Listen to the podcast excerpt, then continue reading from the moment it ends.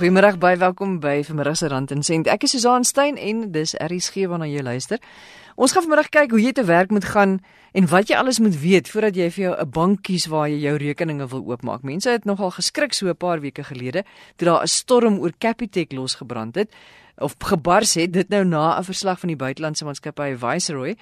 'n Verbruikerskonsultant Ina Wilken gaan vir ons 'n bietjie raad gee oor hoe en wanneer wat ons moet doen, ook wanneer jy moet besluit. Uh as jy daai besluit wil neem of jy van bank gaan verander of nie. As jy nou jare lank al by 'n bank is en jy dink, "Oh, moet ek na 'n ander bank toe gaan?" sal ek dit doen. Dis beter daar. Nou Ina gaan vir ons help. Ons deel ook interessante navorsing oor die verwantskap tussen mense se gesondheid en ons geldsaake, maar eers goue gesprek met Jan Trieter, hy's 'n arbeidsregkenner van Labourwise oor wat die situasie is oor minimumlone. Jan is op die lyn in Kaapstad en Jan, ek en jy het hierdie gesprek gewoonlik aan die einde van November elke jaar want dit is wanneer die minimumlone aangekondig word. Nou vir jaar het dit nie gebeur nie. En tot dusver is daar ook nog niks daaroor nie. Wat is die situasie? Wat gaan aan? Daar is 'n wetsontwerp wat dit aanspreek en daar is heelwat gesprekvoering rondom dit op die oomblik. Daar's inligting sessies aan die gang waar die departement van arbeid landwyd mense inlig oor hierdie uh nasionale minimumloon en 'n paar ander dinge ook. Maar ons weet dat dit dis is redelik kontroversieel en dit gaan 'n redelike groot impak hê. So ons weet nie of daar op die nippertjie nog uh, veranderinge aangebring gaan word nie. Jan, hoekom sê jy dis omstrede? Dis dis omstrede omdat mense daardeur geraak word. As ek nou byvoorbeeld dink aan huiswerkers, as hulle byvoorbeeld die nuwe minimumloon moet betaal, is dit aansienlik meer as wat hulle op die oomblik betaal word. En baie mense sal byvoorbeeld besluit om nou net nie meer huiswerkers in diens te hou nie so dit is nou maar een van die punte, maar uh, aan die aan die ander kant sit jy met vakbonde wat voel dis heeltemal te min. Hulle sien uiteraard nou nie die hele ekonomiese prentjie nie, na my mening nie, maar uh, dit maak dit baie kontroversieel en, en ek dink ons gaan nog baie daaroor hoor. Soos jy weet, die uh, datum waarop dit in werking gaan tree en ek dink nie daai datum gaan verander nie. Dis sou polities net nie aanvaarbaar wees nie. Is die 1 Mei hierdie jaar. En wat gebeur nou intussen? Moet jy nou maar jou mense dieselfde betaal as wat jy hulle verlede jaar betaal het of maak jy jou eie aanpassing? Dit hang af wat die aard van die werk is wat die mense doen. Ek dink mense moet besef dat dinge gaan verander. Vanaf die 1 Mei is dit R20 per uur minimum. Maar wanneer mens kyk na sekere sektore, byvoorbeeld die huiswerkersektor en die plaaswerkersektor, dan verdien hulle aansienlik minder en die wetgewing maak inderdaad daarvoor voorsiening dat ten opsigte van plaaswerkers hulle nie aanvanklik net 90% van die nuwe minimumloon moet betaal word en huiswerkers moet 75% daarvan betaal word.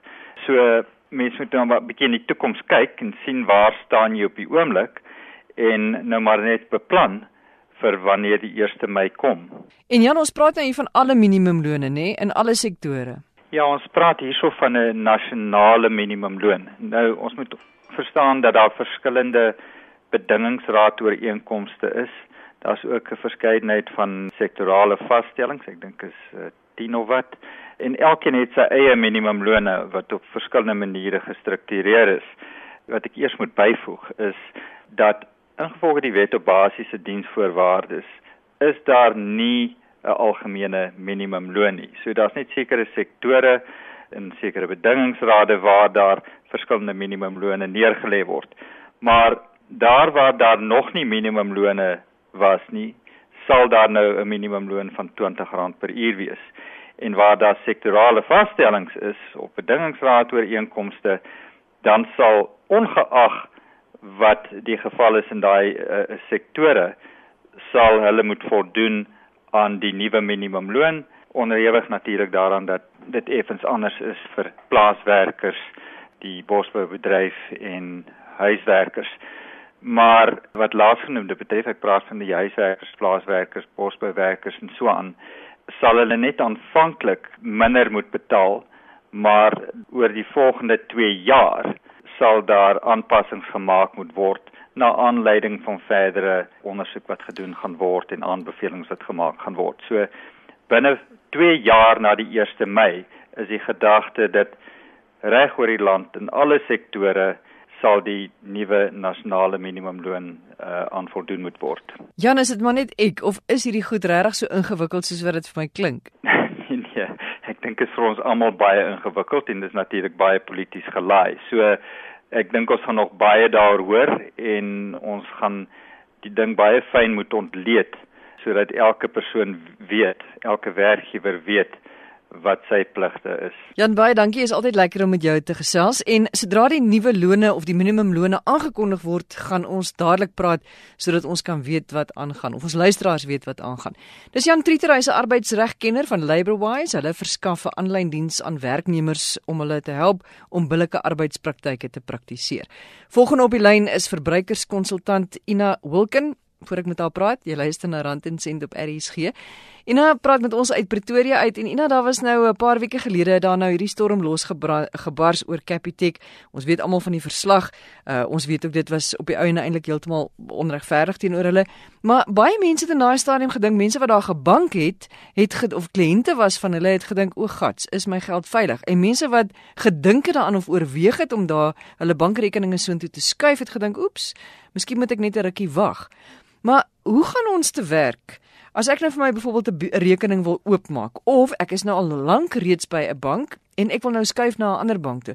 Hoe gaan ek te werk om eh, seker te wees ek kies vir my die regte bank en daarom ook 'n veilige plek waar ek my geld kan los? Susan, ja, dis 'n baie goeie vraag. Weet jy, ek mens dink wat die afgelope paar jaar gebeur het wêreldwyd van banke wat ondergegaan het en dan dink ons ook hier in Suid-Afrika kan dit nog 'n tamaletjie wees. Maar gelukkig is daar mos uh, so iets soos die internet en ek sou vir mense aanbeveel om regtig in te gaan en te gaan kyk wat by verskillende banke aangebied word. Maar ek dink die heel eerste ding is waarna jy moet kyk, wat is jou rede om 'n rekening oop te maak? En as jy dit bepaal het, wil jy 'n chequerekening hê, wil jy 'n transmissierekening hê, wil jy 'n spaarrekening? Dit sou ek sê is die beginpunt. En dan kyk jy na transaksiefooie want dit is baie interessant. Ek het nou na die vier groot banke se transaksiefooie gaan kyk en elkeen verskil en daar's party wat nogal merkwaardig verskil. Veral byvoorbeeld wanneer jy onttrekkings wil maak. So so dit is 'n baie belangrike faktor. Sien nou, min onttrekkings per maand is byvoorbeeld 8. Nou dan is die koste baie laag, maar die oomblik as jy oor dit gaan, dan beteken dit jy het baie transaksies per maand. Dan is dit baie belangrik om te kyk wat kostes aanbetref na na watter bank toe wil jy gaan. En dit is baie interessant ons ons almal weet dat daar 'n sekere bank in Suid-Afrika wat regtig byvoorbeeld sy rekening fooi per maand is baie laer as enige van die ander drie banke. Kyk daarna, is dit veel belangrik. Want twee banke byvoorbeeld, ek gaan dit net nie maar gaan nie hulle name noem nie, is R100 waar die ander bank is byvoorbeeld R40 en dan die bank wat regtig baie goedkoop is is R550. Dit alleen sê al vir ons baie maar ek sien nie mense met daarteen vas staan nie. In die verlede was ons geneig as verbruikers om te dink jy moet by 'n Absa of 'n Standard Bank of 'n Nedbank wees. Ek sien nie dis verkeerd nie en ek sien nie dis reg nie. Maar ek dink tog ons moet na nuwe toetreders in die mark ook kyk en vir hulle ook 'n kans gee. As jy dan beleggings wil maak, nou kyk ek nou weer na 'n ander kategorie kyk dan waar jy voel dat die gemaklikste vir jou gaan wees. En daar kan jy dan na die effektebeurs toe gaan. Jy kan kyk wat gebeur met die aandeleprys. En tweedens, dit is mos nou maar 'n welerkende spreekwoord wat sê moenie al jou eiers in een mandjie sit nie. Met ander woorde, jy spaar geld of beleggings in verskillende organisasies of in banke waar jy jou geld wil investeer. Dit dink ek is die heel veiligste. Maar om 'n bank te kies, dink ek nie is te moeilik nie. Mens kan na sy trekrekord kyk en dan besluit jy self watter bank gaan vir my die goedkoopste wees. Want dit is waarna ons moet kyk. Dit is jy sien die klein bedragies geld wat elke maand afgaan wat jy dink ag dis niks. Maar oor 'n maandperiode of oor 'n jaarperiode gaan jy verras wees om te sien hoeveel aan onkoste het jy betaal. Wat het jy betaal vir jou kredietkaart? Want onthou die gevaar van 'n kredietkaart, dit is 'n wonderlike ding om te hê, maar jy betaal hom selde die volle bedrag aan die einde van die maand af. Met ander woorde, daar's rente wat gehef word en dis baie hoë rente. So kyk na al hierdie goed en dan neem jy 'n ingeligte besluit. Jy sê nou mens moet kyk na jou na jou bank se reputasie en sy rekord, maar maar as dit ja. as dit 'n redelike jong bank is of 'n taamlike jong bank wat nog nie so 'n lang rekord het nie, dan dan is 'n mens mos nou maar versigtiger. Dis is 'n bietjie versigtiger. Susan, maar maar, maar weer eens, kyk daar's twee punte waarna ons hier moet kyk. As dit 'n geval is dat jy byvoorbeeld net jou salaris daar laat inbetaal elke maand en jy doen transaksies met daai bank en sy fooie is baie laag gaan jy nie veel verloor nie. Maar as jy byvoorbeeld 'n belegging van 500 000 rand het of 'n miljoen rand en jy wonder nou waar moet ek daar geld sit? En jy's bietjie onrustig oor 'n oor 'n jong bank wat aangekom het, dan sou sou ek sê sit 'n minder bedrag by hom en dan by 'n erkende bank of 'n instansie wat wel bekend is sit meer geld daarin. Dit sou my raad wees as mens daaroor onseker voel, maar net ek dink vir die dag tot dag transaksies moet jy regtig kyk wat jou sak die beste gaan pas.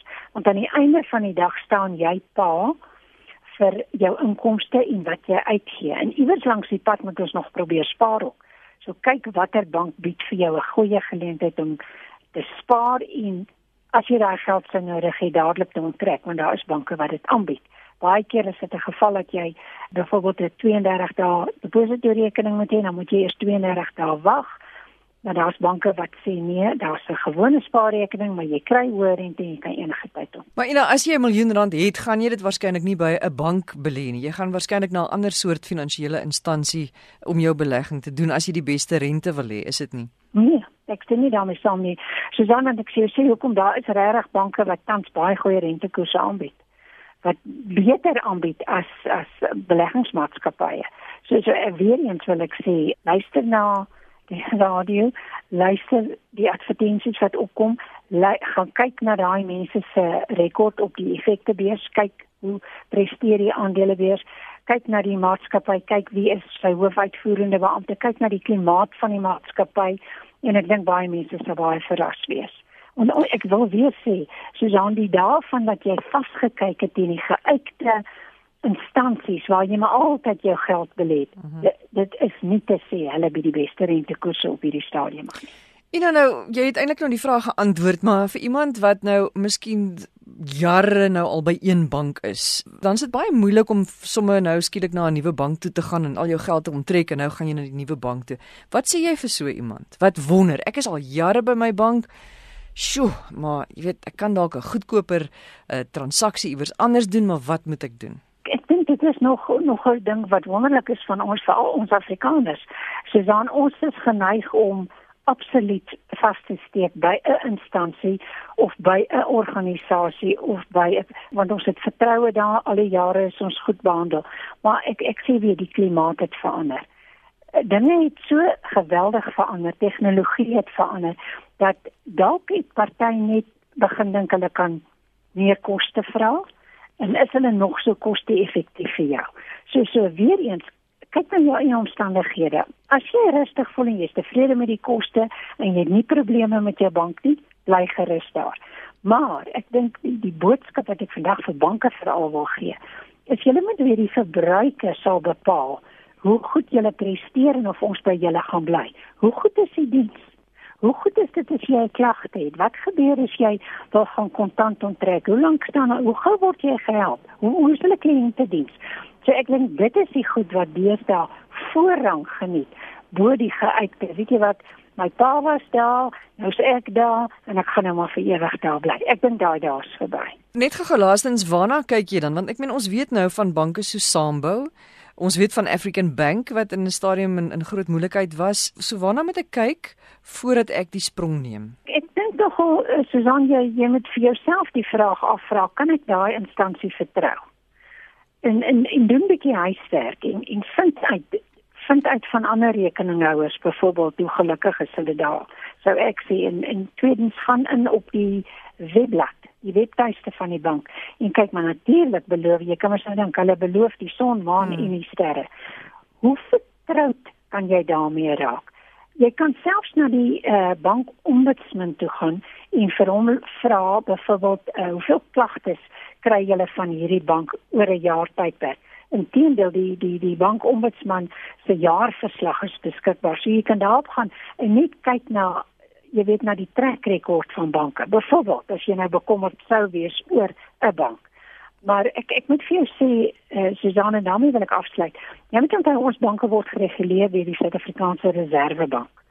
En hulle kontrole en beheermaatreëls is baie streng. Wat byvoorbeeld 'n uh, maand terug met Capitec gebeur het en ek wil hulle naam nou spesifiek noem want ek dink dit is baie onregverdig wat met hulle gebeur het en toe die Reservebank uitgekom en gesê maar hulle is absoluut 100% op standaard. So dit kan vir ons Suid-Afrikaners vertroue gee in die bankwese in Suid-Afrika. En ek wil tog vir jou net 'n laaste vraag vra. Veronderstel jy het nou jou rekeninge by 'n bank en daai bank vou om een of ander rede. Wat gebeur nou met ons geld? Kry ons ons geld terug? Kry ons net gedeeltes daarvan terug?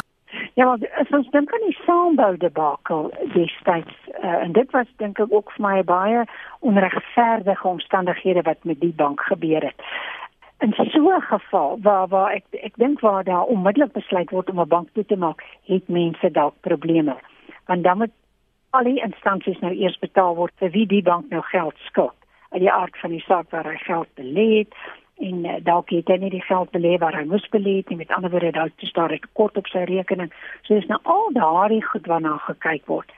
Maar ek ek wil weer sê, ek dink dit dan regtig tans en veral na die saambou debakel dink ek is die reservebank so ingestel op banke om genoeg kapitaal te hê want jy moet weet hulle moet 'n sekere kapitaal hê in reserve sou daar iets gebeur. So ek wil sê ek dink ons geld is relatief veilig in Suid-Afrika. Ek ek kan geen probleem voorsien van enige bank tans in Suid-Afrika dat as hy sou ondergaan dat die mense nie hulle geld sal terugkry nie. Baie dankie Ina Wilkins, sy is 'n verbruikerskonsultant van Pretoria. En nou praat ons oor eh, jou gesondheid en jou geld sake. Professor Ina Shaw is 'n navorser van liggaamlike gesondheid by Momentum Multiply. En professor Shaw, die verband dan nou tussen jou liggaamlike gesondheid en jou finansies, wat is dit?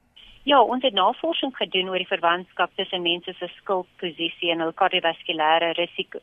Met ander woorde, dit beteken wat is die kanse dat iemand 'n hartaanval of 'n beroerte sal kry? Ons sou dus uitvind of mense agterstallig is met hulle skuld 'n groter kans het om 'n hartaanval of 'n beroerte te kry as mense wat nie skuld het nie. En ons het gevind toe, daar selfs met ooreenkomste met internasionale navorsing, dat mense wat sukkel om hulle skuld gewoonlik 'n groter kardiovaskulêre risiko is. Die rede vir dit is stres. Want as mense te veel skuld het of hulle nie hulle skuld kan bekostig nie, dan beïnvloed dit hulle stres. En natuurlik dit beïnvloed dan soos jou bloeddruk, jou cholesterol en jou suikervlakke en dit kan natuurlik diabetes veroorsaak wat individueel en gesamentlik hulle kardiovaskulêre risiko vlakke ook verhoog. So dis baie interessante navorsing en mense kan nou duidelik agterkom daar is 'n direkte direkte verband tussen jou finansies of 'n swak finansiële situasie en jou gesondheid. So waarvoor gebruik julle nou hierdie navorsingsresultaat? Ons gebruik dit om te voorkom dat mense verder in skuld beland en dat mense hulle gesondheidsvlakke vererger.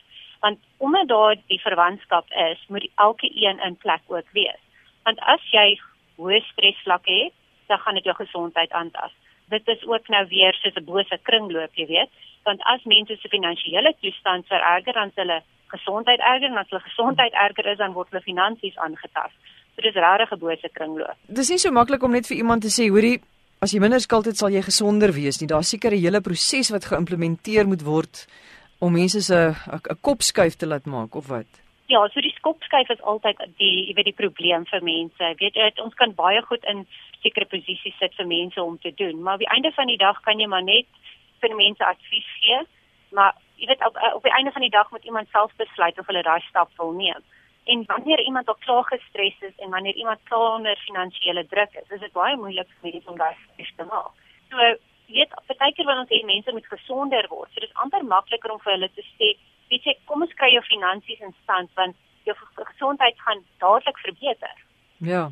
So hoe hanteer mense dit oor die algemeen die situasie? Wat ons gewoonlik vir mense sê is moenie jouself in hierdie situasie in die eerste plek bevind nie, want wat baie mense doen is hulle hou op hulle korttermynversekering betaal om in 'n poging om hulle skuld, jy weet, af te betaal. Maar die probleem is dan, jy weet, word jou kar gesteel of jy's in 'n kar ongeluk of daar's diefstal of iets soos dit en dan vererger jy eintlik jou situasie. Baie mense hou op soos byvoorbeeld te spaar vir hulle aftrede om hulle skuld en mediese koste te betaal en dan veroorsaak dit ook dat hulle nie genoeg geld het vir aftrede nie. So wat ons gewoonlik vir mense sê is, gaan sien jou bank of 'n skuldberader en tref reëlings met hulle vir die terugbetaling van jou skuld. Moenie net op iets betaal nie, want dit is nie die regte situasie nie, want jy gaan dit net vererger. Doen fisiese oefening omtrent elke dag vir 30 minute want dit verminder jou stres. En as jy minder stres het, gaan jy beter besluite kan maak oor jou finansies ook. Ons sê vir mense gaan na 'n finansiële adviseur want hulle sal jou help um, om 'n langtermyn finansiële plan op te stel. En dit sal jou versekerings en aftreerisiko's ook verminder. So met ander woorde wat jy eintlik moet doen is jy moet terselfdertyd begin kyk na jou gesondheid en ek wil amper sê jy moet 'n oefenprogram begin vir jou lyf en 'n oefenprogram begin vir jou finansies. Jy moet soort van begin gym toe gaan, begin oefen en dan moet jy ook terselfdertyd gaan sit en jy moet jou finansies onder die knie kry. Dis waar weet jy daar's baie navorsing wat internasionaal ook al gedoen is dat hulle wys daar se verwantskap tussen mense se as mense hulle finansies onder beheer het, het hulle gewoonlik hulle gesondheid onder beheer en as hulle gesondheid onder beheer het, dan sal hulle finansies onder beheer het. Want dit is net 'n lewenstyl. Jy weet as jy een gedeelte van jou lewe onder beheer het, dan sal jy al die ander gedeeltes ook onder beheer hê. Weet jy, ek dink altyd aan so 'n situasie wat ek vir iemand sê, "Hoeveel geld het jy in jou beursie vandag?" En as mense nie vir jou kan sê hoor jy ek het 10 rand, 20 rand of 100 rand nie, dan weet hulle nie wat aangaan in hulle beursie nie. As jy nie onder beheer is van sulke klein goedertjies nie, kan jy regtig onder beheer wees van jou lewe, dis die vraag. Professor Shona, as as jy met mense hieroor praat en uh, jy weet wat ek ek neem aan die tyd dat jy met hulle gesels dan is hulle dan hulle nogal 'n probleem ook. So so hulle sê vir jou, ja, maar ek weet nie waar om te begin nie. Waar moet ek begin? Ek voel heeltemal oorweldig van hierdie berg van skuld of berg van ongesondheid. Waar begin ek? Wat is stap 1? So stap 1 is as dit finansiëel is, om ek sal sê weet doen albei. Gaan sien jou bank en gaan sien 'n skuldberader. Moenie dit los sodat dit te laat is nie. Maar jy weet dis nou vir mense wat klaar 'n probleem is. Maar vir mense wat nog nie in daai probleme is nie, gaan sien 'n finansiële adviseur. Want ons almal, of jy in skuld is en of jy nie in skuld is nie, het 'n finansiële plan nodig. Ons moet weet hoeveel geld moet ek spaar? Hoeveel geld moet ek wegsit vir aftrede? As jy nie daai goeders in plek het nie, gaan jy eendag in die in die moeilikheid beland. En dan is dit baie belangrik om op dieselfde tyd altyd gesond te eet en altyd te oefen. En nie dit is nie net die oefening nie, dit is dat jy tyd spandeer met jou familie, gaan loop in die straat, jy weet saam met jou familie, gaan speel met die hond bal. Dis net om daai tyd ook te hê vir jouself. Die navorsing wat jy gele gedoen het wat jy sê wat strook met buitelandse navorsing, hoe vergelyk Suid-Afrikaners se gesondheid en finansies of daai verband byvoorbeeld met buitelanders in? Want baie keer dink ek ons, dit voel vir my ons het meer stres as baie ander lande. Nee, wel dit is nou nie waar nie. Weet, ons is baie dieselfde. Um, ons het baie van dieselfde finansiële probleme as hulle. Dit is baie keer net 'n bietjie anderste. Die politieke situasies is ook baie keer anderste, maar jy weet dit almal maar ons dieselfde op die einde van die dag. Ek dink in Suid-Afrika die enigste probleem wat ons anders het, is die mediese hulp wat ons het. Um, baie minder mense het toegang tot mediese hulp. Baie minder mense het mediese fondse. So dit dit maak die situasie baie moeilik. Ehm um, baie mense het ook nie vervoer na mediese plekke toe nie. So dit maak dit baie moeilik vir Suid-Afrikaners waar dit in ander lande nie altyd die ehm um, situasie is nie. Maar weet jy nie, ons is so tops. Ons het skuldberaders, ons het finansiële adviseurs. En jy weet, ons kan na hulle toe gaan. Ek dink net baie Suid-Afrikaners, ons is nie geleer om na dit toe te gaan as kinders nie. So dis nie iets wat ons doen um, natuurlik nie ook met ons verander het deur die jare. Jy weet mense is so bang om te oefen en jy weet baie van die vrouens dink as hulle oefen dan gaan hulle weet lyk soos mans. So jy weet daar's net daai persepsie, sekere persepsies wat nie reg is nie. As ons net kan ontslaa raak en dit begin met ons kinders. Finansies leer, jy weet van kleins af. En as ons hulle kan leer om spaar van dit hulle klein is en oefening kan deel maak van ons daaglikse lewe, dan gaan dinge baie makliker wees vir ons oor die lang termyn ek sê gisteraand vir my man, jy weet as ons net ophou kan TV kyk, jy weet en net meer tyd spandeer buite, gaan dit dadelik 'n ander situasie wees vir ons almal in Suid-Afrika. Maar ons is te bang vir tydjie om uit te gaan en ek verstaan daai situasie. Maar daar's baie goed wat ons kan doen in die huis net om aktief te bly ook. Maar jy weet, TV vat maar altyd en video games vat maar altyd die mhm. president. Hmm. Ek dink 'n mens wanneer jy een van hierdie armbandjies dra wat vir jou sê hoeveel tree jy per dag gee en hoeveel jy weet kalorieë jy verbrand. Ek dink dan kom jy met 'n skok agter presies hoe onaktief ons is. Ja, weet jy sjo. Ehm um, baie dae as ek kom hier dra in die kantoor ook as ek 5000 kry is dit baie. En weet jy, hmm. jy dink jy loop baie, Maar regtig, ons is so sedenties en dit is skokwekkend Ja. dat ons nie genoeg doen nie. So as jy nie publieke vervoer gebruik nie, is jou hoeveelheid tree per dag skokwekkend. Professor Shaw, baie dankie. Dit is uh, baie interessant. Professor Ina Shaw, sy's 'n navorser van liggaamlike gesondheid by Momentum Multiply. As jy weer na enige van ons gesprekke op Rand en Sent wil gaan luister, gaan na www.rsg.co.za, klik op potgooi en gaan dan na Rand en Sent. Ons praat volgende Sondagmiddag 5uur verder. Intussen hoop ek dit is vir jou 'n baie baie baie mooi week. Vir my Susan Stein, mooi bly.